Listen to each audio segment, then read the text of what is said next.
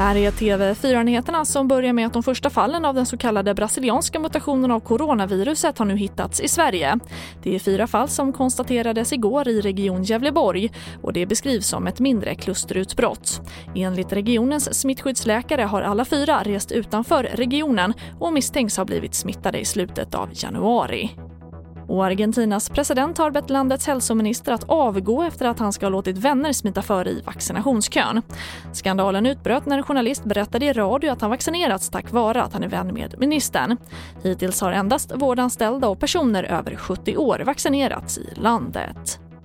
Och vi avslutar med att allt fler väljer att döpa sina barn till ovanliga namn vilket också innebär att allt fler namn får avslag av Skatteverket, det rapporterar Sveriges Radio.